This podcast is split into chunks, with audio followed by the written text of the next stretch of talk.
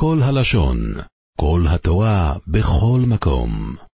ברשות ידידיי, מוריי ורבותיי, פרשת השבוע שנקרא בעזרת השם בשבת הקרובה, פרשת בו, פותחת הפרשה, ויאמר השם אל משה, בוא אל פרעה, כי אני הכבדתי את ליבו ואת לב עבדיו, למען שיתי אותותיי אלה בקרבו, ולמען תספר באוזני בנך ובן בנך את אשר התעללתי במצרים ואת אותותיי אשר שמתי בם, וידעתם כי אני השם.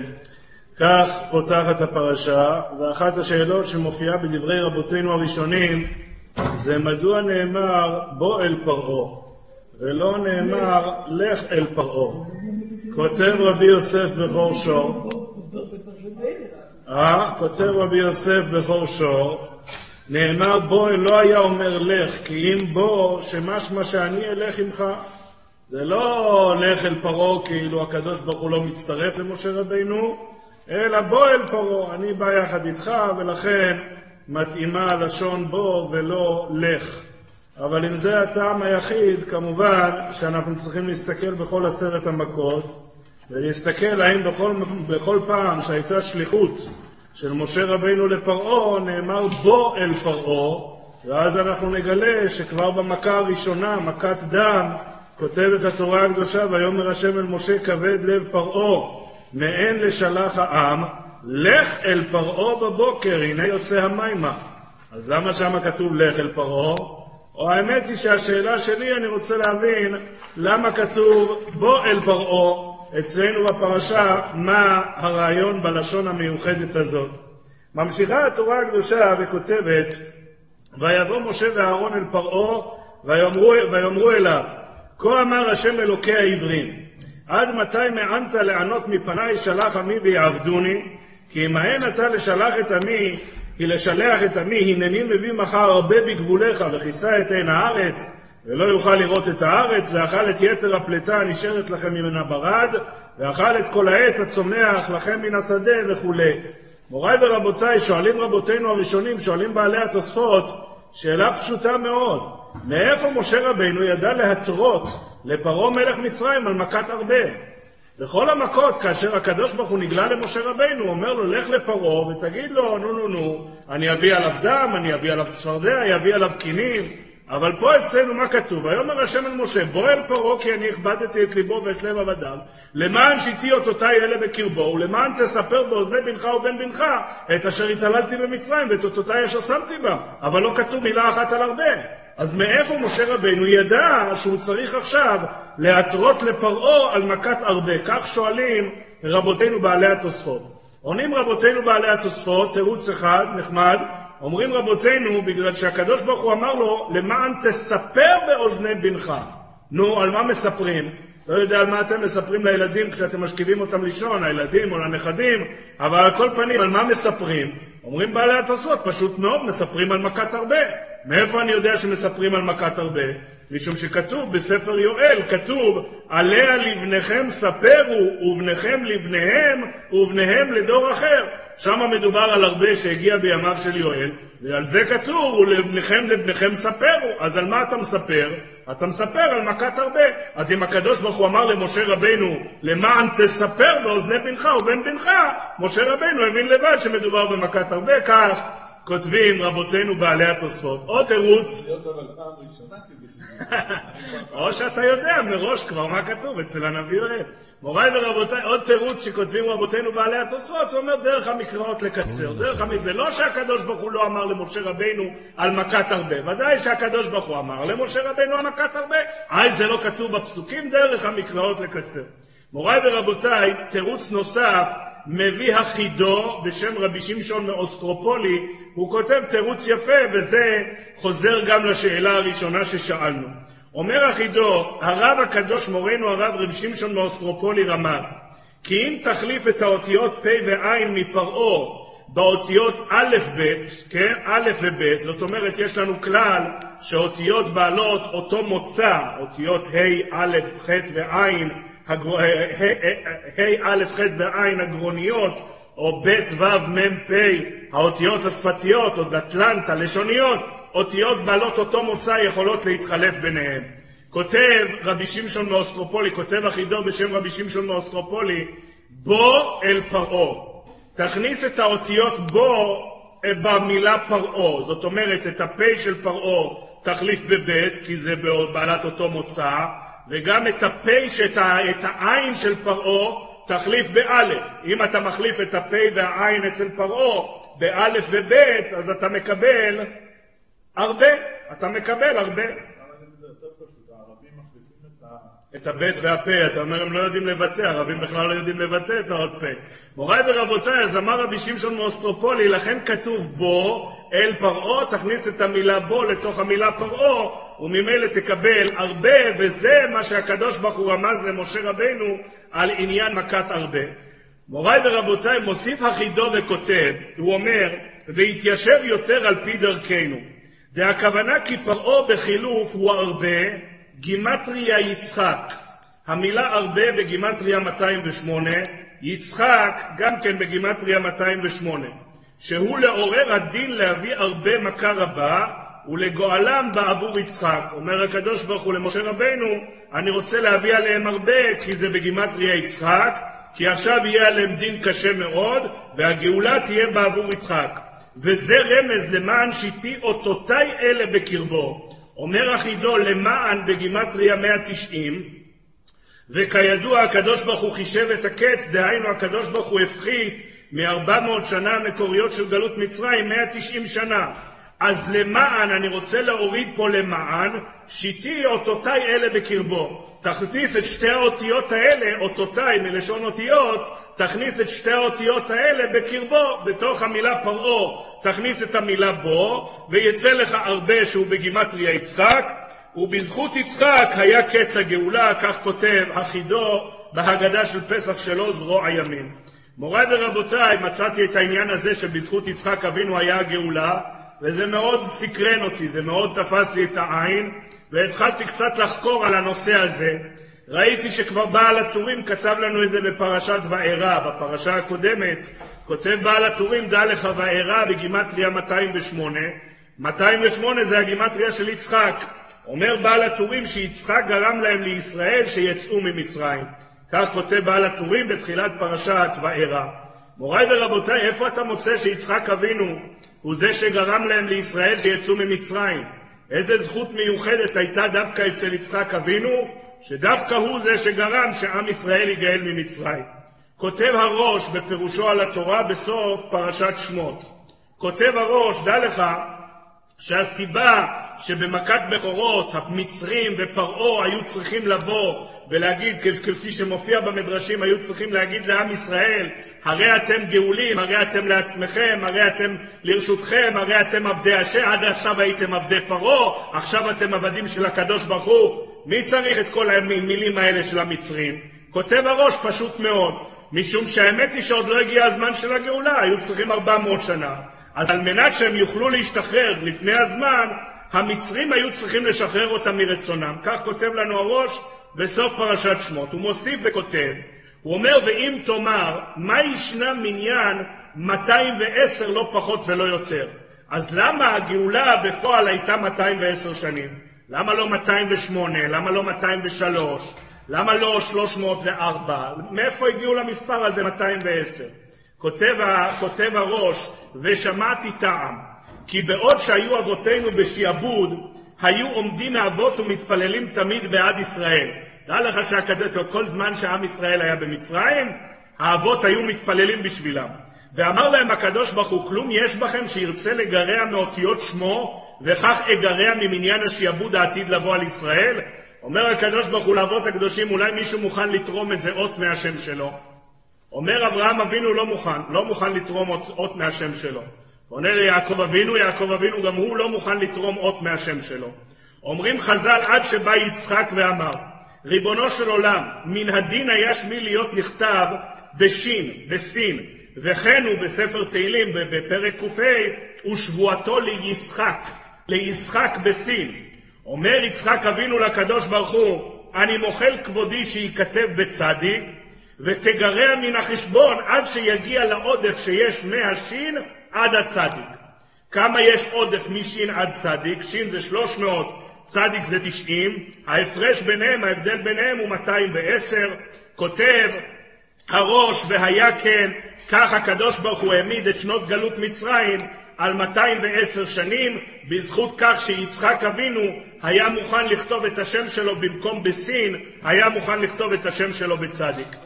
מוריי ורבותיי, מלמדים אותנו חז"ל שבזכות יצחק אבינו נגאלו אבותינו ממצרים. אז למדנו בדבריו של הראש בחינה מסוימת, מה, מה פשר העניין שזה היה דווקא בזכותו של יצחק, ואנחנו רוצים בסייעתא דשמיא, בשיעור היום, לעמוד על נקודה נוספת, מדוע גאולת מצרים מתייחסת בדברי חז"ל דווקא ליצחק אבינו. בשביל להבין את הנקודה הזאת, אני רוצה להיכנס קצת לעומק הפרשה.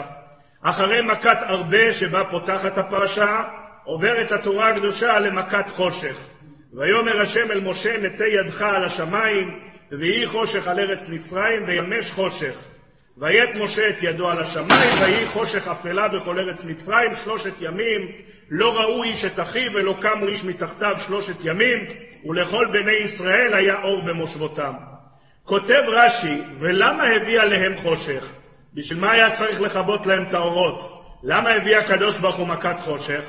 אומר רש"י שהיו בישראל באותו הדור רשעים, ולא היו רוצים לצאת, ומתו בשלושת ימי אפלה, כדי שלא יראו מצרים במפלתם ויאמרו אף הם לוקים כמונו. אז רש"י מביא הטעם הראשון על כך שהיו הרבה רשעי, רשעי ישראל שניצלו את השלושת ימי האפלה האלה בשביל להתפטר מהם. הם מתו בשלושת ימי האפלה, קברו אותם בשלושת ימי האפלה, וכך העלימו עקבות. כך כותב רש"י, זה הסיבה הראשונה שרש"י מונה לכך שהקדוש ברוך הוא הביא עליהם מכת חושך. מוריי ורבותיי, דיברנו פה כבר כמה פעמים, נדמה לי שהזכרנו את זה גם בשבוע שעבר, כמה אנשים מתו שם, כמה אנשים מתו. הבאנו את דברי חז"ל על מה שכתוב, החמושים עלו בני ישראל מארץ מצרים, רש"י כותב אחד מחמישה, אמרנו שרש"י מביא בערך אחד מחמישה מהדעות שמובאים בדברי חז"ל, משום שחז"ל אומרים אחד מחמישים, ויש אומרים אחד מחמש מאות, רבי נהוראי אומר, העבודה ולא אחד מחמשת אלפים, אפילו לא אחד מחמשת אלפים. מוריי ורבותיי, מה זה אומר? זה אומר, אמרנו שאם אנחנו נתפוס את המספר שמקובל בשמו של מרן החפץ חיים, על כך שיוצאי מצרים היו חמש מיליון, חמש מיליון יוצאי מצרים, וזה רק אחד מחמשת אלפים, כמו שאומר רבי נהוראי במדרש. תיקח חמשת, אלף, חמשת אלפים ותכפיל בחמש מיליון, אתה מגיע לסכום של 25 מיליארד, 25 מיליארד אנשים שמתו במכת חושך, 25 מיליארד אנשים שנקברו בשלושת ימי האפלה, אמרנו שמה שבטוח זה שאסור לכהנים להיכנס למצרים, למה כל האדמה שם זרוע, הכל זרוע ב-DNA של יהודים. מוריי ורבותיי, אבל אתה שואל את עצמך שאלה נורא נורא פשוטה. תיקח בשנת תש"א, תבוא לאושוויץ בירקנאו, תפתח את השערים שם מתחת לכיתוב הזה, ארבט מרק פריי, העבודה משחררת, אתה פותח את השערים ואתה אומר כל מי שרוצה לצאת, בכבוד מוזמן לתפוס את הרגליים ולצאת מהמקום. מוריי ורבותיי, יהודי אחד היה נשאר באושוויץ? יהודי אחד היה נשאר באושוויץ? מי משוגע? כל מי שנשאר בו טיפה שפיות, תופס את הרגליים, לא מסתכל ימינה-שמאלה, בורח ישר קדימה, שלום על ישראל. לא רוצה לראות עוד פעם את המקום הזה. אומרים חכמינו זיכרונם לברכה, אתה יודע, 25 מיליארד אנשים האלה, אתה יודע למה הם מתו? אומרים חז"ל, רש"י מביא את זה, אתה יודע למה הם מתו? לא רצו לצאת. לא רצו לצאת ממצרים, מוריי ורבותיי, למה לא לרצות לצאת? מה יש לך במצרים? שיעבדו אותך 210 שנים, למה, מה יש לך פה? למה אתה לא רוצה לצאת? אומר רש"י, דע לך, כל האנשים האלה לא רצו לצאת. מוריי ורבותיי, והשאלה היא כמובן, מה פתאום? אומרים חז"ל במדרש, לפי שהיו פושעים בישראל, שהיה להם פטרונים מן המצרים, והיה להם שם עושר וכבוד, ולא היו רוצים לצאת. היו להם חיים טובים, אתה יודע, לא יודע, היה פטרונים, היה חיים טובים, עושר וכבוד, לא רצו לצאת. אה, ניתנה ראש ונשובה, בוודאי, גם שם אתה צריך להבין את זה. גם שם אתה צריך להבין איך יכול להיות שהם רצו לחזור למצרים. אה?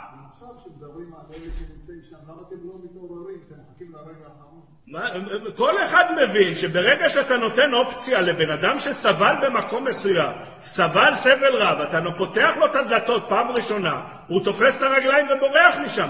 מוריי ורבותיי, אומרים חז"ל במדרש, היה להם עושר וכבוד. שואלים רבותינו, אבל איך זה יכול להיות? תגיד לי, הם ראו כבר, תראה, מכת דם, מכת צפרדע, מכת קינים, מכת ערוב, דבר, שכין, הם ראו כבר מכות על גבי מכות שהמצרים מקבלים, וכל זה היה במטרה, אומר משה רבינו, כל זה במטרה לצאת ממצרים.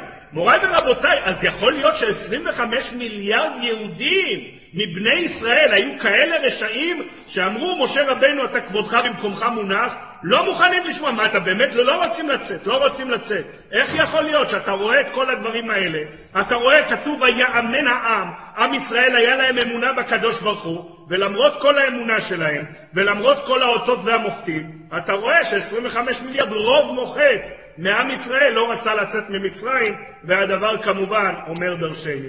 מוריי ורבותיי, אנחנו מתקדמים הלאה לתוך הפרשה, כותבת התורה הקדושה את מה שרש"י מביא לנו מיד בתחילת החומש. מיד, לא בתחילת חומש שמות, אלא מיד בתחילת התורה הקדושה בחומש בראשית. ויאמר השם אל משה ואל אהרון בארץ מצרים לאמור, החודש הזה לכם ראש חודשים, ראשון הוא לכם לחודשי השנה. מוריי ורבותיי, מה זה החודש הזה לכם ראש חודשים? כותב רש"י, הראהו לבנה בחידושה, ואמר לו, כשהירח מתחדש, יהיה לך ראש חודש, מה שנקרא מצוות קידוש החודש. כותב רש"י בתחילת פירושו על התורה, אמר רבי יצחק, לא הייתה התורה צריכה להתחיל אלא מהחודש הזה לכם ראש חודשים, שהיא המצווה הראשונה שנצטוו בה בני ישראל כעם. למה התורה מתחילה עם כל מעשה בראשית? כוח מעשיו הגיד לעמו לתת להם נחלת גויים, שאם יבואו אומות העולם, ואומות העולם כידוע תמיד באים, ויאמרו ליסטים אתם, וכידוע זה תמיד הם טוענים, אם הם טוענים את זה בהאג, או טוענים את זה במקומות אחרים, על כל פנים, מאז ומתמיד, כפי שאנחנו לומדים בדברי רש"י, אומות העולם תמיד טענו שאנחנו גנבים, ושאנחנו עושים רצח עם, ושהכול, אומר הקדוש ברוך הוא תהיו רגועים, כוח מעשיו הגיד לעמו. מוריי ורבותיי, אבל המצווה הראשונה שבה נצטוו עם ישראל כעם, זאת הייתה מצוות קידוש החודש, והדבר הזה כמובן, אומרים רבותינו, כותב שואל הכלי יקר אצלנו בפרשה, תגידי, למה זה המצווה הראשונה? מכל המצוות שבעולם לא מצאת במה להתחיל רק במצוות קידוש החודש? ומזה אומרת, אומר רש"י, תדע לך, התורה הייתה צריכה להתחיל במצווה הזאת. זה היה צריך להיקבע כהתחלה, כהספתח של התורה הקדושה, מצוות קידוש החודש. למה? מה מיוחד דווקא במצווה הזאת? מה כל כך מיוחד במצווה הזאת? שהיא זו המצווה הראשונה שעם ישראל נצטוו בה כעם, וזו הייתה המצווה הראשונה שבה הייתה צריכה התורה הקדושה להיפתח. מה מיוחד במצווה? למה לא שבת? למה לא מצוות שמירת שבת? נשמע דווקא יותר יפה, יותר נחמד, אווירה משפחתית, שירי שבת, מאכלי שבת, קדושת השבת. נו מה, למה לא לפתוח במצוות שבת? לא, מצוות קידוש החודש. מצוות קידוש החודש, למיטב ידיעתי, אתה מקיים פעם בחודש. שבת יש לך פעם בשבוע, סתם, תדיר ושאינו תדיר, תדיר קודר. ואם אתה כבר הולך על הכלל הזה, אז תן לי תפילין. תפילין אתה לא מקיים פעם בשבוע, תפילין אתה מקיים, ברוך השם, שש ימים מתוך השבוע. נו, אז תתחיל מצוות תפילין. לא, מכל המצוות בעולם, בחרה התורה הקדושה, בחר הקדוש ברוך הוא, לצוות את עם ישראל כעם, המצווה הראשונה, מצוות קידוש החודש. שואל הכלי יקר, למה? מוריי ורבותיי, לפני כמה שנים הארכנו קצת יותר, נצטט כמה מהדברים שכבר דיברנו עליהם לפני כמה שנים בפרשת בו, אבל הוספנו ושאלנו מכיוון נוסף. מוריי ורבותיי, עם ישראל נצטווה במצוות קידוש הלבנה. עם ישראל יכל לקדש את הלבנה? יכל או לא יכל? כותב רבנו בכי אצלנו בפרשה, לא יכל. למה הוא לא יכל? כי מפה לאיפה הם יוצאים? יוצאים למדבר. במדבר איפה הם היו? היו 40 שנה במדבר, מכוסים בענני הכבוד. כותב רבנו בחיי אצלנו בפרשה, ולא ראו בכולם, זאת אומרת במשך 40 שנה במדבר, לא ראו בכולם שמש ביום ולא ירח בלילה. מעכשיו, 40 שנה המצווה הזאת בכלל לא רלוונטית. למה לא רלוונטית? הם לא ראו ירח, 40 שנה במדבר לא ראו ירח. אז למה לא לתת להם מצווה שהם יכולים להתחיל לקיים? למה אתה מתחיל איתם ממצווה שקודם כל היא רק פעם בחודש? אבל אגב, אתה יודע מה, תניח את זה בצד. סתם, היא לא תהיה רלוונטית עכשיו. 40 שנה במדבר, הם לא רואים ירח בכלל. אה? למה מה? כי היו עם ענני הכבוד, היו מוקפים בענני הכבוד, לא ראו מה שקורה בחוץ. מוריי ורבותיי, ראיתי יש מדרש שמופיע בספר אוצר מדרשים, כתוב בפרשת ואתחנן במשנה תורה, אומר משה רבנו, ופן תישא עיניך השמיימה, וראית את השמש ואת הירח ואת הכוכבים, כל צבא השמיים, ונידחת והשתחווית להם, ועבדתם, אשר חלק השם אלוקיך אותם לכל העמים תחת כל השמיים. כותבים חז"ל במדרש שנמצא באוצר מדרשים, כיוון שנסתלקו ענני הכבוד, ראו ישראל שנולדו במדבר החמה והלבנה ברקיע, ורצו להשתחוות להם. למה משה רבינו אומר את זה פתאום במשנה תורה, פרשת ואתחנן? אומרים חז"ל במדרש, כי ארבעים שנה היה דור, כאשר דור ש, שנולד במדבר לא ידע שיש דבר כזה שנקרא שמש, ירח וכוכבים, אף פעם לא ראו את זה. רק אחרי ארבעים... איך? מצרים כן ראו, במצרים ראו, אבל דור שנולד במדבר, נולד בתוך ענני הכבוד, לא ידע שיש שמש וירח.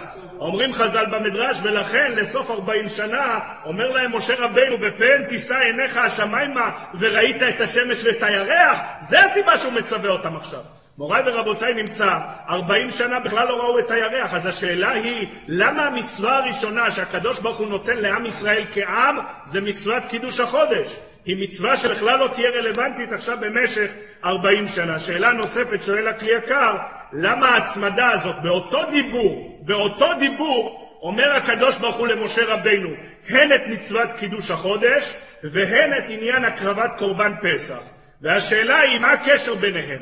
מה הקשר בין המצווה הזאת לבין המצווה הזאת?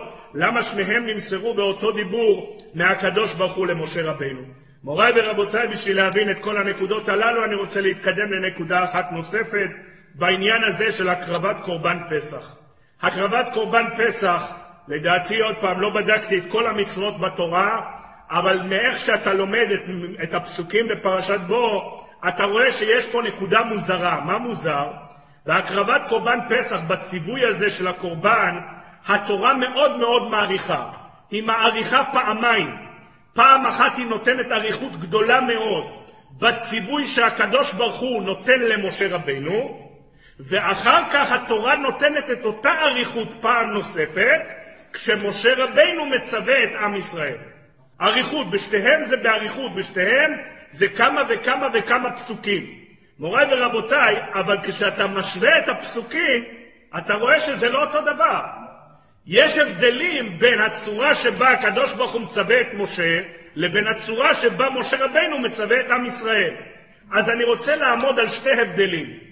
הבדל אחד מאוד בולט, מאוד ניכר לעין, כל רבותינו שואלים על ההבדל הזה.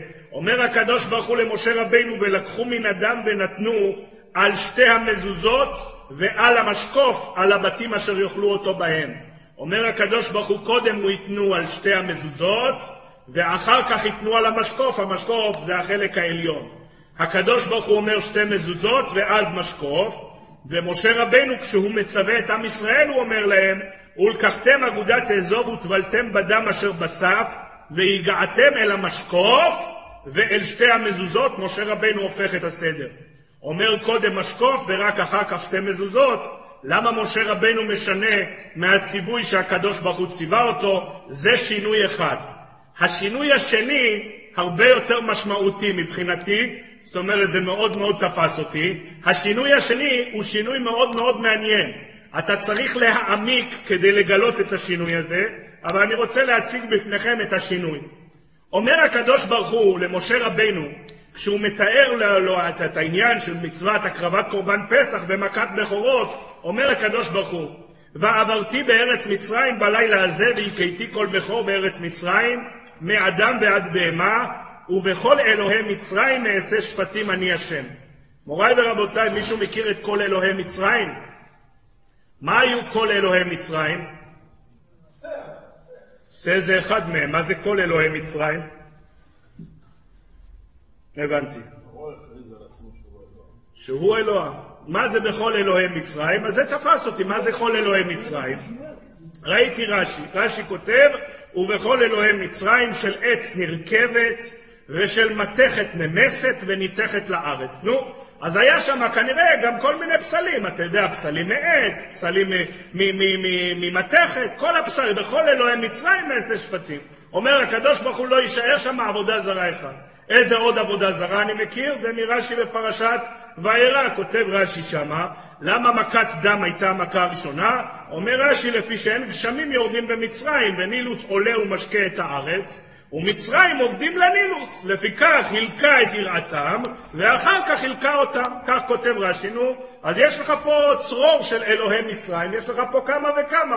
יש לך של עץ, יש לך של מתכת, יש לך את הנילוס. ברוך השם, היה להם כמה וכמה, אתה יודע, היו מחליפים לפי, ה, לפי הצורך. אם אחד היה לא זמין, תמיד היה להם אחד אחר, שיכל גם הוא להיות לא זמין. מוריי ורבותיי, ככה, ככה מלמד אותנו רש"י. מה קשה על דבריו של רש"י? קשה על דבריו של רש"י כי יש מקום שהתורה מתארת מה שהיה שם. זה מה שהקדוש ברוך הוא אומר למשה רבינו, בכל אלוהי מצרים אעשה שפטים, אני עתיד לעשות. יש מקום שבו התורה מתארת מה שהיה, פרשת מסעי. כותבת התורה, ומצרים מקברים את אשר היכה השם בהם כל בכור, ובאלוהיהם עשה השם שפטים. מצרים מקברים, זה כותרת. המצרים היו קוברים, מקברים הכוונה היא היו קוברים. את מי הם היו קוברים? אז זה מופיע בהמשך הפסוק. המשך הפסוק, ומצרים מקברים את אשר היכה השם בהם כל בכור, ובאלוהיהם עשה השם שפטים. את מי הם היו קוברים? את הבכורות, וגם את האלוהים שלהם. לא הבנתי, איזה אלוהים? את היאור הם קברו. מה זה? מצרים מקברים, מה הם קברו את היאור? של מתכת הייתה ניתכת לארץ. מה הם היו קוברים? את ההתכה של המתכת, את זה הם היו קוברים? לכאורה. לכאורה לא, בגלל שאתה קובר, אתה יודע, פעולה של קבורה. אה? פעולה של קבורה, אתה בדרך כלל עושה אצל אנשים, אתה בטח לא עושה אצל היאור פעולה של קבורה. אומר שם, הוא כותב את התורה, ומצרים מקברים את אשר עשה השם בבחוריהם, אשר נקרא השם בהם כל בכור, ובאלוהיהם עשה השם שבטים. מה זה קשור לרשע של הפסוק? מכוח הפסוק הזה, רבי אליעזר אשכנזי, שהיה מגדולי המקובלים בעל ספר מעשה השם, שהיה מגדולי המקובלים בתקופת מרן הבית יוסף, כותב בספר שלו מעשה השם כך: אבל לדעתי, היה טלה לבד האלוה שלהם. למצרים היה אלוהים אחד, אתה יודע איך קראו לו? קראו לו טלה. וכל מי שהיה נולד בתחילת כניסת השמש בטלה, היו תופסים אותו לאלוה וקדוש. זאת אומרת, העבודה הזרה שלהם הייתה טלה, אבל היו כאלה שהיו מקבלים, אתה יודע, היה מקבל איזה קדושה מהטלה הזה, מי שהיה נולד במזל הזה, וגם הוא הפך להיות קדוש. אומר הספר מעשה השם, זהו מצרים מקברים את אשר היכה השם בהם כל בכור. את הבכורות הם קברו, וחוץ מזה, גם באלוהיהם עשה השם שפטים. כל אלה שנתפסו בעיניהם כאלוה כי הם נולדו במזל של טלה, אפילו אם הם לא היו בכורות. אפילו אם היו מספר 6 ו-7 במשפחה, עדיין תעשור, הוא לא, הוא נולד במזל קדוש, אז הוא גם קדוש, באלוהיהם עשה השם שפטים. מוריי ורבותיי, למצרים, כותב רבי אליעזר אשכנזי, היה עבודה זרה אחת. איך קראו לזה? קראו לזה טלה. אומר הרמב"ן, ולכן אתה מבין למה גאולת מצרים נבחרה דווקא לחודש ניסן. למה חודש ניסן? למה לא בחודש אייר? למה לא בחודש תשרי? התשובה היא, אומר הרמב"ן, משום שחודש ניסן מזלו טלה. ומאחר ומזלו טלה, להראות למצרים המזל שלכם, העבודה הזרה שלכם לא יציל אתכם, ולא ימנע את גאולת ישראל ממצרים. לכן הגאולה נבחרה דווקא לחודש ניסן, כי זה היה העבודה הזרה שלהם. אומר, אומרים רבותינו, מוריי ורבותיי, זה היה כל הרעיון של הקרבת קורבן פסח. כפי שאנחנו כולנו יודעים, משכו וקחו לכם צאן למשפחותיכם, אומר משה רבינו לעם ישראל, משכו, משכו, מה זה משכו? משכו ידיכם מעבודה זרה. מאחר וזה היה עבודה זרה של מצרים, אתם תמשכו ואתם תיקחו לכם טלה ותקריבו אותו קורבן פסח. מוריי ורבותיי, ואנחנו יודעים שהדבר הזה עשה בלגן גדול מאוד במצרים. מאיפה אנחנו יודעים? כי עד עצם היום הזה, שבת שלפני פסח, יש לנו הלכה לקרוא אותה שבת הגדול. למה היא נקראת שבת הגדול? כותב לנו, לנו רבנו הטור בסימן ת"ל בשולחן בבא בטור, שבת שלפני הפסח קוראים אותו שבת הגדול, והטעם, לפי שנעשה בו נס גדול, שפסח מצרים ייקחו בעשור, כדכתיב בעשור לחודש הזה, ויקחו להם שא לבית אבות, שא לבית, ופסח שיצאו ישראל ממצרים היה ביום חמישי, כדאיתא בברייתא של סדר עולם, נמצא שי' בחודש היה בשבת, ולקחו להם כל אחד שא לפסחו, וקשר אותו בקרי המיטה, ושאלו המצריים, למה זה לכם? מה אתם שמים פה? מה אתם קושרים? והשיבו לשוחטו לשם פסח במצוות השם עלינו, והיו שיניהם כהות על ששוחטים את אלוהיהם, ולא היו רשאים לומר להם דבר, והשם אותו הנס קוראים אותו שבת הגדול. מוריי ורבותיי, אז זה הסבר אחד למה זה נקרא שבת הגדול. הסבר נוסף שקשור לאותו עניין, ראיתי בספר שנקרא מנוחת אשר. כתב את זה רב אושר אנשל יונגרי, זכר צדיק לברכה, היה אב בייס דין של צ'נגר, מקום בשם צ'נגר, כותב המנוחת אשר, הוא אומר, אתה יודע למה זה נקרא שבת הגדול? בוא אני אסביר לך. על הפסוק בפרשת שמות, ויהי בימים הרבים ההם וימות מלך מצרים. שואלים חז"ל, תגיד לי, מה זה ויהי בימים הרבים? למי אתה קורא ימים רבים? על, על מה אתה מדבר שאתה קורא? ויהי בימים הרבים ההם. איזה ימים רבים? אומרים חז"ל במדרש, אתה יודע למה זה נקרא ימים רבים? אומרים חז"ל, ימים של צער היו, לפיכך קורא אותם רבים. ודחבתה, אותו דבר אתה מוצא, ואישה כי יזוב זוב דמה, ימים רבים, לפי שם של צער, קורא אותם רבים. אז כשמדובר בצער, אתה קורא לזה ימים רבים. מה ההיגיון? אומר המנוחת אשר, ההיגיון הוא פשוט מאוד. אתה יודע שכשאתה, ברוך השם, במצב של שמחה ושל חדווה, אתה נהנה ממה שאתה עושה, הזמן רץ, הזמן רץ, השעון לא, לא עוצר לרגע, אתה שואל למה, תעצור רגע אחד, תן לי, תן, תן לי ליהנות מהרגע, לא, השעון רץ, רץ. אבל כשאתה נמצא בדיכאון, כשאתה נמצא בעצבות, בצער, במצוקה, בכאב, אז פתאום השעון עוצר מלכת, זה נראה לך שכל דקה לוקחת איזה 60-70 דקות, ולכן זה נראה בעיניך כימים רבים. אומר הספר מנוחת אשר, לכן ויהי בימים הרבים ההם, מאחר והיו ימים של צער, נדמו בעיניהם כימים רבים, כי הזמן עוצר מלכת. אומר הספר מנוחת אשר, אה? כימים אחדים, שם אתה רואה, בארץ נכון. מוריי ורבותיי, מוריי ורבותיי, כותב הספר מנוחת אשר, אומר לכן זה נקרא שבת הגדול. למה זה נקרא שבת הגדול?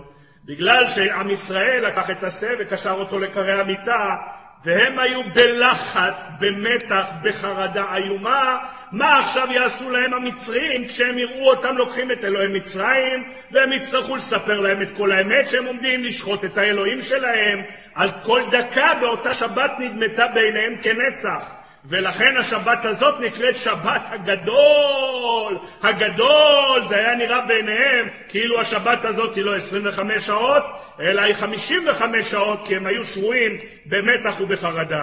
מוריי ורבותיי, את הדבר הפשוט וההגיוני הזה, הפחד מפני התגובה של המצרים לדבר כזה, משה רבינו כבר מיד אחרי מכת הרוב אומר לפרעה, פרעה אומר להם, נו, תעשו מה שאתם רוצים, אבל תעשו את זה פה, על אדמת מצרים.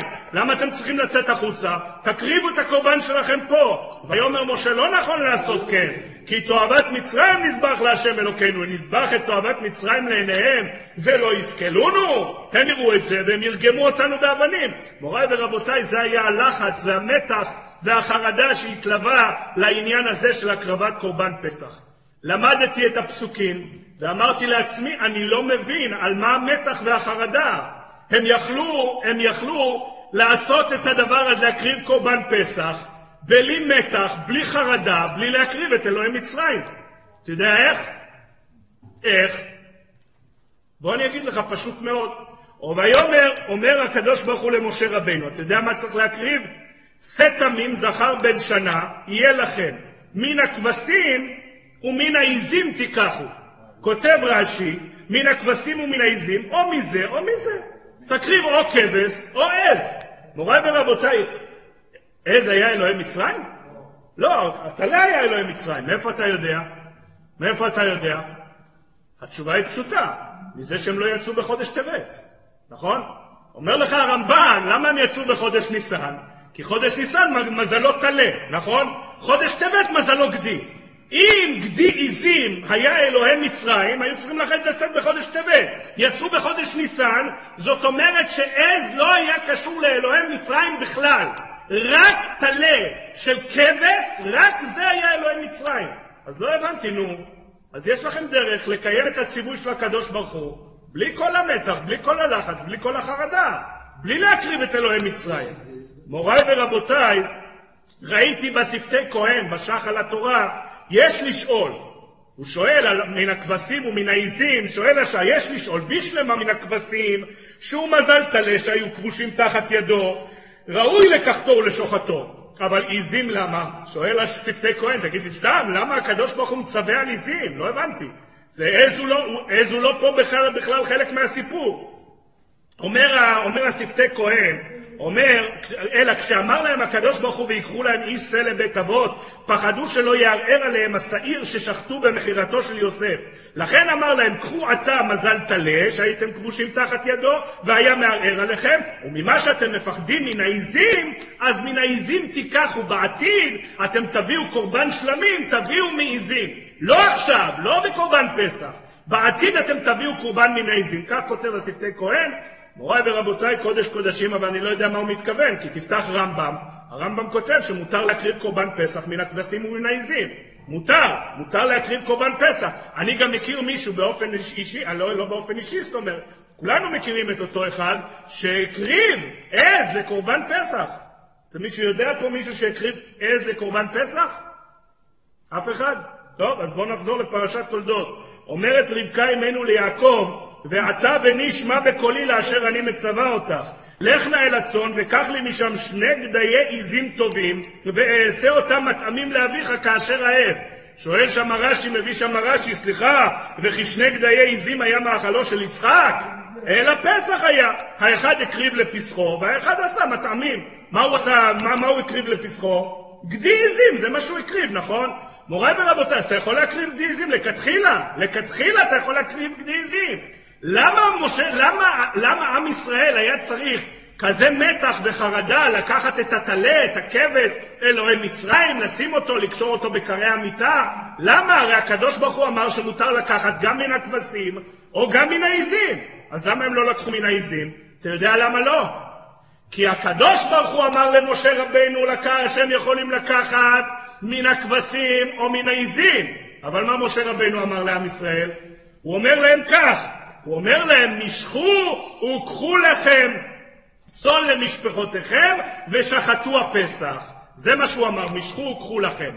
אומרים חז"ל, מה זה משכו? משכו ידיכם מעבודה זרה, וקחו את העבודה זרה הזאת ותשחטו אותה כקורבן פסח. נו, אז גדי עזים כבר לא בכלל. כי משכו למשוך את הידיים מעבודה זרה, העבודה זרה של מצרים היה רק הטלה, רק, רק, רק, רק, רק השה של הכבשה. מוריי ורבותיי, אז משה רבינו שינה מאיך שהקדוש ברוך הוא אמר לו. מוריי ורבותיי, אנחנו רוצים להבין מה פשר העניינים של השינויים האלה, ואם כבר אנחנו עוסקים בעניין הזה של להקריב כבש או גדי, ראיתי דבר נוסף שנורא נורא תפס את תשומת ליבי. אומרים חז"ל במחילתא, אומר הקדוש ברוך הוא למשה רבנו, והיה אדם לכם לאות על הבתים אשר אתם שם, וראיתי את הדם ופסחתי עליכם ולא יהיה בכם נגף למשחית בהכותי בארץ מצרים. שואלים חז"ל במחילתא, הקדוש ברוך הוא צריך לראות את הדם? למה הוא לא יודע באיזה בית גרים יהודים ובאיזה בית גרים מצרים? אתה לא יודע איפה שיש מזוזה, זה יהודים, איפה שאין מזוזה. זה אנשים גויים, למה הקדוש ברוך הוא צריך את הדם הזה? אומרים חז"ל, ומה תלמוד לומר וראיתי את הדם? אלא בשכר מצווה שאתם עושים אני נגלה וחס עליכם. אומרים חז"ל, וראיתי את הדם, רואה אני דם עקדתו של יצחק, שנאמר ויקרא אברהם שם המקום ההוא השם יראה, אשר יאמר היום בהר השם יראה. ולהלן הוא אומר, וכהשחית ראה השם וינחם על הרעה, מה ראה דם עקדתו של יצחק? הקדוש ברוך הוא אומר, אתם תשימו דם, ואני אזכור על ידי הדם הזה, אני אזכור את דם עקדתו של יצחק. שאלתי את עצמי שאלה מאוד פשוטה, אם זה דם של כבש, אני מבין מה הקשר לעקדת יצחק.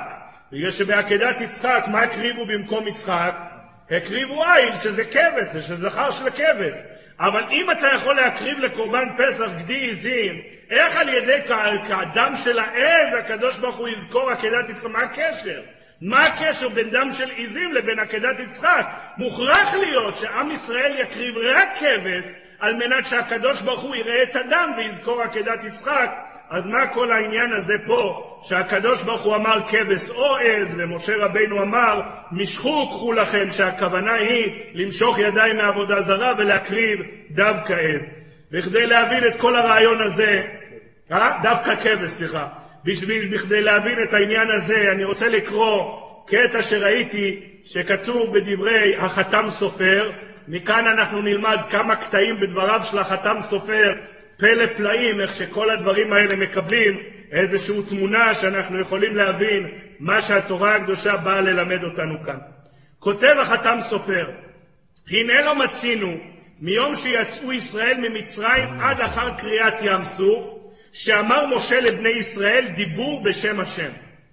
כל מה שמשה רבנו אמר לעם ישראל מכאן ואילך, הגם שהוא נצטווה, יכול להיות שהוא נצטווה על כך מהקדוש ברוך הוא. כל הדיבורים שהוא אמר, הוא אמר כאילו בשם עצמו. הוא לא אמר אף דיבור בשם השם. אם אמנם הקדוש ברוך הוא אמר וציווה למשה לעשות כן, מכל מקום לא מצינו שהוא אמר לישראל הדבר בשם השם. כמו במצרים, שהיה תמיד אומר, כה אמר השם, כמעט בכל דיבור ודיבור, ובכל מכה שהביא עליהם, והלא דבר הוא. שואל החתם סופר למה פתאום משה רבנו מיד, מיד ביציאת מצרים מפסיק לומר לעם ישראל את הדברים בשמו של הקדוש ברוך הוא. ונראה לומר, הקדוש ברוך הוא עשה כל הנפלאות במצרים לא למען פרעה, כי הלא ברגע אחד היה יכול להפוך כל מצרים כסדום ועמורה. לא, הקדוש ברוך הוא לא צריך את זה בשביל פרעה. פרעה הוא רגע אחד זורק אותו בשלום על ישראל. אז בשביל מה זה היה? רק כדי שיכירו בני ישראל את השם, אשר לא ידעו מלפנים רק ראשי יחידי סגולה. וחזרו וראו מופתים אחר מופתים, עד שהכירו והאמינו בהשם. וזה היה חיזוק ויסוד האמונה, כדי שיקבלו אחר כך עול מלכותו יתברך שמו ותורתו. הכל היה בשביל לחזק את האמונה של כלל ישראל בקדוש ברוך הוא, מלך מלכי המלכים. אומר החתם סופר, אז זהו מספיק? אומר החתם סופר, לא מה פתאום. זה אפילו לא חצי עבודה. למה? אבל על זה צריך עוד. אמונת חכמים, אשר מה שהחכמים יגידו ישמעו ויאמינו. פשיטא שאם הנביא יאמר בשם השם שצריכים להאמין לו. לא לזה קוראים אמונת חכמים. כשמגיע נביא ואומר הקדוש ברוך הוא שלח אותי עם מסר אליכם, לא זה מה שנקרא אמונת חכמים. אלא אפילו מה שהוא החכם אומר מדעתו ומעצמו, שמצווה וגוזר שיהיה כך וכך, יתקיים מאמרו ויאמינו לו. וכיוון שהוא עבד נאמן להשם וכל כוונתו לשם שמיים להעמיד הדת על תילה, אזי על ידי דיבורו ורצונו שנתקיים, ולא הכוח והממשלה, בזה יכול להקים הדת על תילה. אומר החתם סופר, אתה יודע מה היו צריכים כשיוצאים ממצרים עכשיו לשנות הנהגה חדשים של עם, אתה יודע מה הם צריכים? הם צריכים דבר אחד שנקרא אמונת חכמים. אבל אתה יודע איזה אמונת חכמים? אמונת חכמים כזאת, איך כותבת התורה בפרשת שופטים, לא תסור מן הדבר אשר יאמרו אליך ימין ושמאל.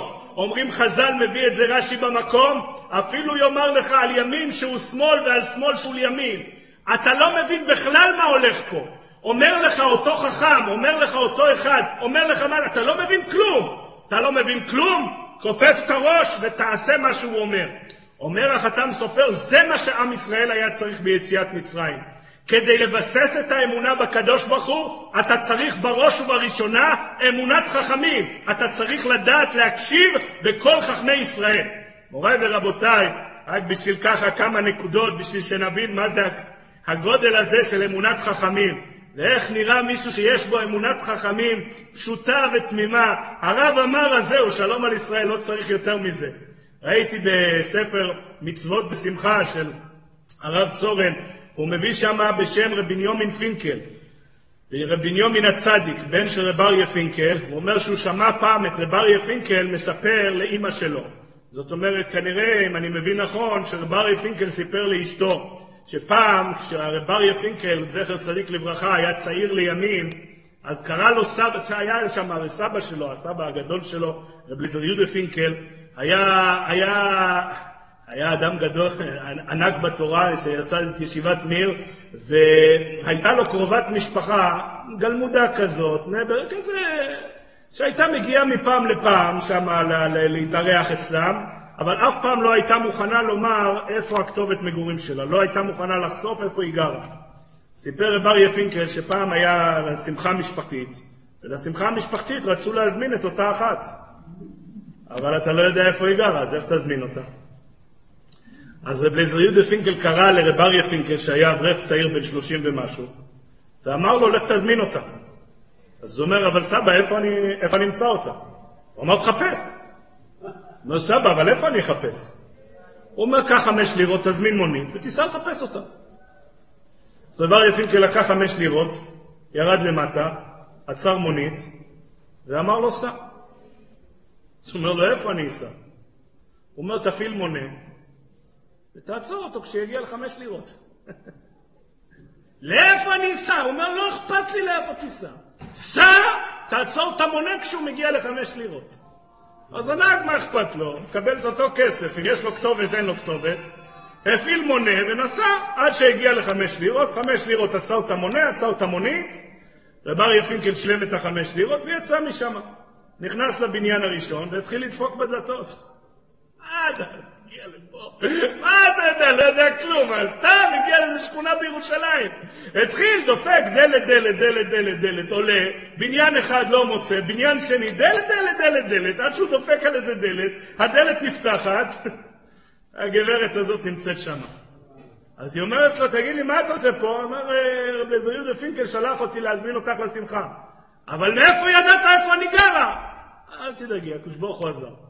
אמונת חכמים פשוטה ותמימה. מוריי ורבותיי, הגיע פעם יהודי לרב חיים קניאנסקי, זכר צדיק וקדוש לברכה, הוא אמר שיש לו בצקת בריאות, בצקת בריאות, שנעבך גורמת לו להרבה סבל, והוא לא מצליח להתפטר מזה.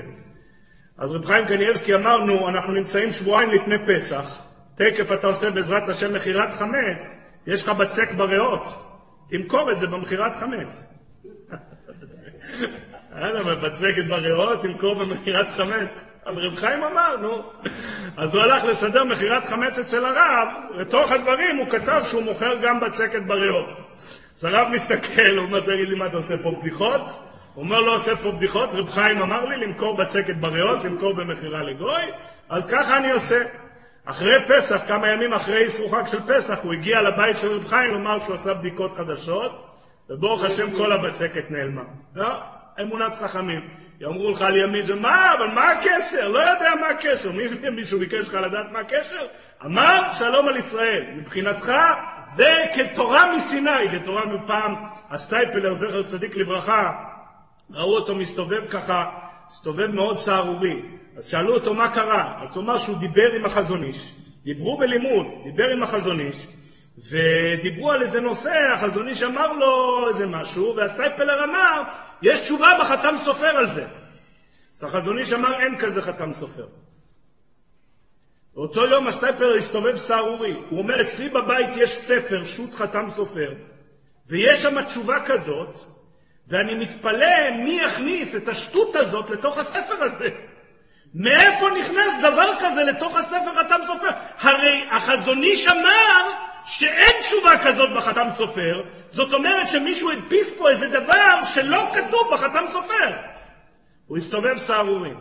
למחרת ראו אותו רגוע יותר, שאלו אותו מה קרה, אומר לו החזון איש קרא לי ואמר לי יש חתם סופר כזה. אז זה לא טעות שנתפסה אצלי בספר. מוריי ורבותיי, זה העניין של אמונת חכמים. אפילו יאמרו לך על ימין שהוא שמאל. אפילו יבוא מישהו ויגיד לך נגד דבר שאתה יודע, נגד דבר ש... נגד, נגד הטבע, נגד הקדוש ברוך הוא. הקדוש ברוך הוא אמר זה ימין, והוא אומר לך, אותו חכם אומר לך, לא נכון, זה שמאל. לא הבנתי, אבל אתה אומר נגד הקדוש ברוך הוא. אפילו יאמר לך על ימין שהוא שמאל, אתה מצווה לשמוע בכל חכמי ישראל. מוריי ורבותיי, כותבים לנו חז"ל במדרש. חז"ל במדרש, רק מי שמביא את הדברים ומסדר את הדברים, זה הכתב סופר. אומר הכתב סופר, כאשר הגיע מוישה רבנו, מגיע שם לעם ישראל, ואומר להם, נו, ברוך השם, הגיע הזמן שלכם לצאת ממצרים. הגיע הזמן לצאת ממצרים. אתה יודע מה הייתה התגובה של 25 מיליארד? 25 מיליארד אנשים, אתה יודע מה הייתה התגובה שלהם? אומר, מי אתה שתגיד שהגיע הזמן לצאת ממצרים? הקדוש ברוך הוא אמר, גר יהיה זרעך בארץ לא להם, ועבדום ועינו אותם ארבע מאות שנה. נשאר עוד 190 שנה. נשאר עוד 190 שנה. זה לא, זה לא כאילו הם לא האמינו, זה לא כאילו הם היו רשעים, הפוך.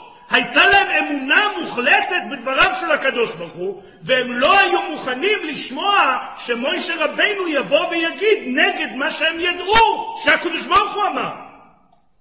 לא הייתה להם אמונת חכמים. לא הייתה להם אמונת חכמים. אומרים חז"ל, וכל אלה שלא האמינו למוישה רבנו, כל אלה מתו בג' לימי אפלה. כל אלה נקברו במצרים.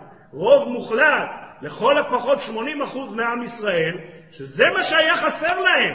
להאמין למוישה רבנו, הגם שזה נוגד את מה שהם ידעו מדבריו של הקדוש ברוך הוא. מוריי ורבותיי, כך גם, לפי זה, אנחנו יכולים אולי להבין למה הקדוש ברוך הוא המצווה הראשונה שהוא ציווה את עם ישראל בצאתם ממצרים, המצווה הראשונה הייתה החודש הזה לכם ראש חודשים, ראשון הוא לכם לחודשי השנה, משום שאנחנו יודעים שהעניין הזה של מצוות קידוש החודש זה מצווה שכל עניינה מראה לנו כדברי חז"ל הקדושים את הכוח הזה שיש לחכמי ישראל בפה שלהם. חכמי ישראל, הרי ידוע מה שהמשנה במסכת ראש השנה מספרת, שרבן גמליאל קיבל עדות, על, קיבל עדים שבאו להעיד על החודש, ורבי יהושע לא רצה לקבל, ורבי יהושע טען כל מיני טיעונים שלא יכול להיות שהם ראו את הלבנה בחידושה, אבל רבן גמליאל החליט לקבל אותם, ורבי יהושע לא הסכים עם רבן גמליאל, ורבן גמליאל אמר לו, גוזרני עליך שתבוא אליי עם המקל שלך והתרמיל שלך ביום הכיפורים שחל על פי לוח השנה שלך. והלך רבי עקיבא ומצאו לרבי יהושע כשהוא מיצר, אמר לו רבנו, אני רוצה ללמד אותך דבר שאתה לימדת אותי על הפסוק שנאמר בפרשת אמור, אלה מועדי השם מקראי קודש אשר תקראו אותם, המילה אותם כתובה בכתיב חסר, היא כתובה א' ת' מ', דורשת על כך הגמרא במסכת ראש השנה בדף כ"ה, אתם אפילו שוגגים, אתם אפילו מוטעים, אתם אפילו מזידים. זאת אומרת, ברגע שיבואו בית דין ויקבעו קביעה, גם אם זה היה טעות וגם אם זה היה שוגג וגם אם זה היה מזיד, הם הוציאו מהפה שלהם את המילים שהחודש מקודש, גם אם אתה יודע שעל פי האמת האמיתית של הטבע שהקדוש ברוך הוא הטביע בבריאה זה עדיין לא מקודש, יש להם את הכוח לעקור. ולכן כותבת, אומרים חז"ל בירושלמי, ידוע ש, שבתולה פחות מג' שנים, פחות מג' שנים, בתולותיה חוזרים. אומרים חז"ל, אבל זה הכל תלוי והאם חכמי ישראל החליטו לעבר את השנה או לא לעבר את השנה. זאת אומרת, הם ישחקו עם הצבעים שקיימים בעולם. כי הכוח הזה שקיים אצל חכמי ישראל הוא הכוח המרכזי, ולכן המצווה הראשונה שעם ישראל, כשהוא מצטווה כעם, אומר הקדוש ברוך הוא לעם ישראל, החודש הזה לכם ראש חודשים. אבל לא הבנתי, המצווה הזאת פעם בחודש וגם לא תהיה רלוונטית בארבעים שנה הקרובות, אז למה אתה מצווה אותם דווקא על העניין הזה? מוריי ורבותיי, הוא מצווה אותם דווקא על העניין הזה. אומר החתם סופר כי הדבר הראשון שעם ישראל צריך לדעת זה את הכוח הזה שיש לחכמי ישראל, ואת השמיעה והציות המוחלט לחכמי ישראל, כי מה שהם מוציאים מהפה שלהם, אפילו מוטעין, אפילו שוגגין, אפילו מזידים, זו המציאות, כי כך הקדוש ברוך הוא קבע בעולם.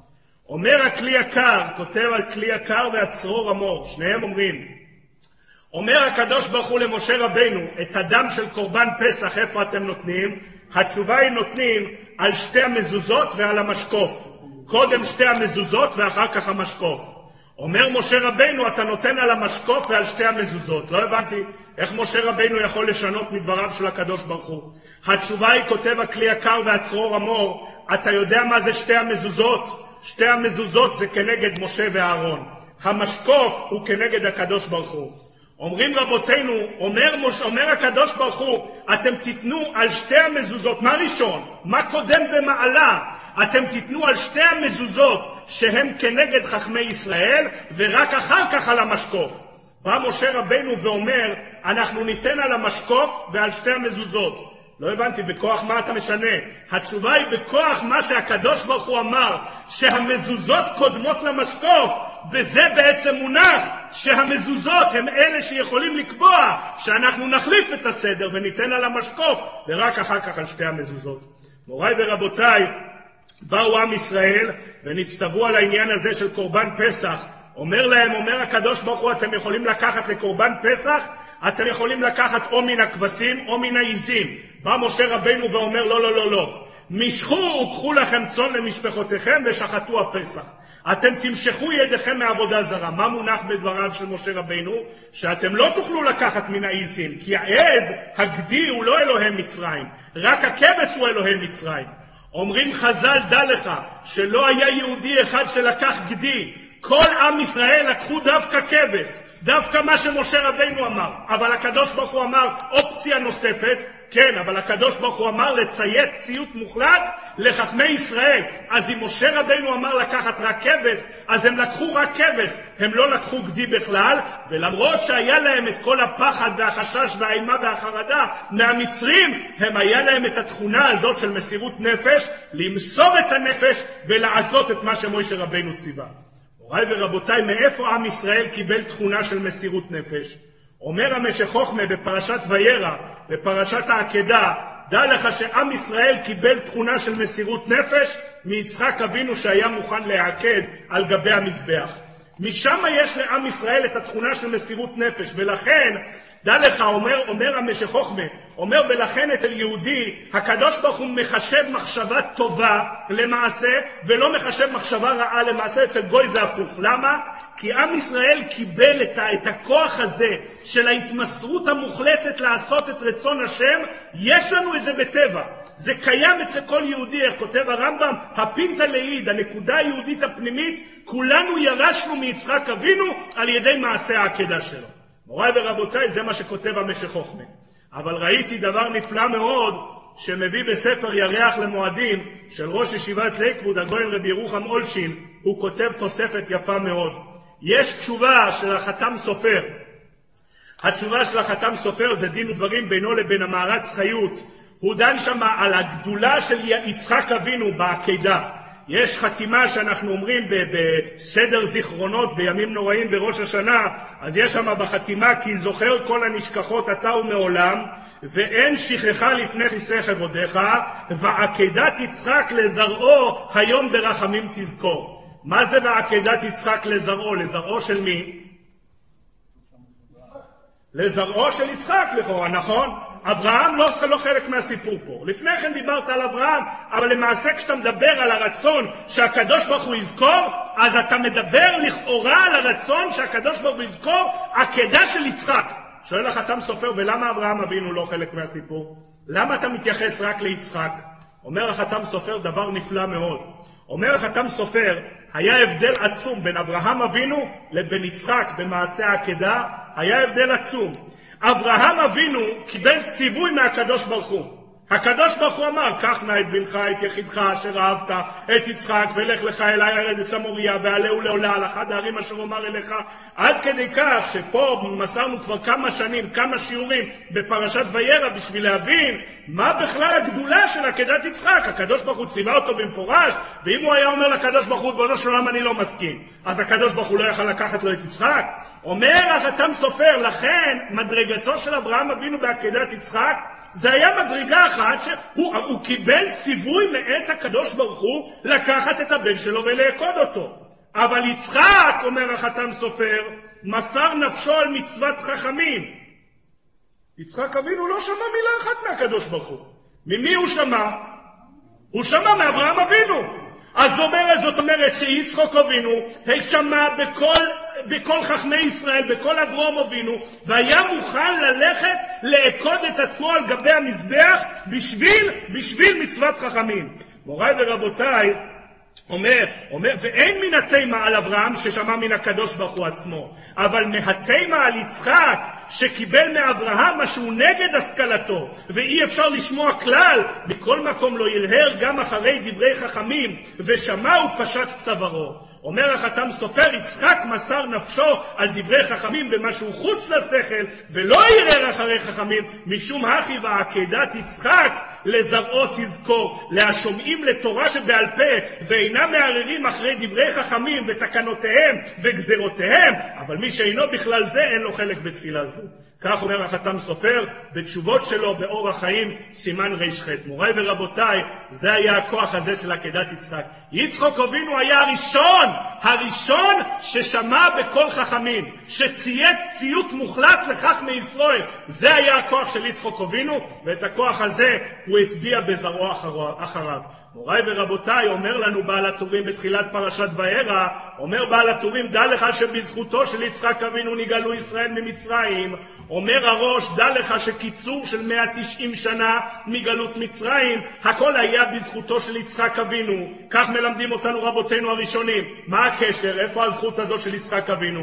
התשובה היא, מאחר ויצחק אבינו הוא זה שהטביע בעם ישראל, שכן היה מוכן לשמוע את הכוח הזה של לשמוע בכל דברי חכמים, אז כל אלה שכן שמעו למשה רבינו ולא הצטרפו לרוב המוחץ בעם ישראל במכת חושך, שאמרו אנחנו לא רוצים לצאת כי עדיין לא חלפו 400 שנה, זה כאלה שבאמת ירשו את התכונה הזאת של יצחוק אבינו, וזה אלה שאחר כך כשהגיע הרגע של הקרבת קורבן פסח, הקדוש ברוך הוא אומר כבש או עז, מה הם עושים? הם עושים מה שמוישה רבינו אמר, מוישה רבינו אמר משכו קחו לכם, הם לקחו את הכבש, אומר הקדוש ברוך הוא, אה, הם ייקחו כבש, וראיתי את הדם, אני אראה את הדם, לא את הדם של הגדי, כי הדם של הגדי זה אומר שלא עשית מה שמוישה רבנו אומר, אבל אם אני אראה את הדם של הכבש, אני אזכור לכם דם עקדתו של יצחק. מוריי ורבותיי, זה כל העניין הזה של ציות מוחלט בכל חכמי ישראל, והכוח הזה שיש לחכמי ישראל, מה שהוא מוציא מהפה, הקדוש ברוך הוא יקיים את הדברים שלו. אז עם הדברים האלה אני רק חוזר לרעיון אחד קצר ונפלא, שמופיע בדברי החתם סופר בתחילת הפרשה. הבאנו מדברי הראשונים, אומרת התורה הקדושה, הקדוש ברוך הוא אומר למוישה רבנו, בוא אל פרעה כי אני הכבדתי את ליבו ואת לב עבדיו למען שיתי אותותי אלה בקרבו ולמען תספר באוזני בנך ובן בנך את אשר התעללתי במצרים ואת אותותי אשר שמתי בה וידעתם כי אני השם. פה מסתיים הדיבור של הקדוש ברוך הוא. ויבוא משה ואהרון אל פרעה ויאמרו אליו והם מצווים על מכת הרבה. שואלים רבותינו הראשונים, סליחה, רגע, מי אמר למשה רבנו מכת הרבה? מאיפה משה רבינו ידע להתרות, להתרות על, לפרעה על מכת הרבה? הקדוש ברוך הוא לא אמר לו, לא מופיע בדיבור של הקדוש ברוך הוא. כותב החתם סופר, לולא דמסתפינא הווה אמינא, והקדוש ברוך הוא לא אמר למשה שום מכה מה יכה את פרעה. אלא נתן רשות למשה רבינו בפעם הזאת לומר לו מה שירצה, והקדוש ברוך הוא ימלא רצון עבדיו ועצתו ישלים, למען תספר אתה משה לבנך ולבן בנך, כי השלמתי עצתך ורצונך כתגזור עומר ויקום לך. אומר החתם סופר, אומר הקדוש ברוך הוא למשה רבנו, אני לא צריך להגיד לך שום דבר. אתה מחכמי ישראל, חכמי ישראל, אתה תגיד, אתה תגיד, ומה שאתה תגיד בפה שלך, אם אתה תחליט להתרות את פרעה על מכת הרבה, מה שחכמי ישראל יגידו, אפילו מוטעין, אפילו שויגגין, אפילו מזידין, הקדוש ברוך הוא כבר יקיים את הדברים האלה. יעזרנו הקדוש ברוך הוא שנזכה להתחזק בעניין הזה של ציות מוחלט לגדול לישראל, ובזכות כך נזכה למאמר הנביא, כי מי צאתך מארץ מצרים, הראינו נפלאות בגאולה השלמה שתבוא במהרה בימינו אמן ואמן.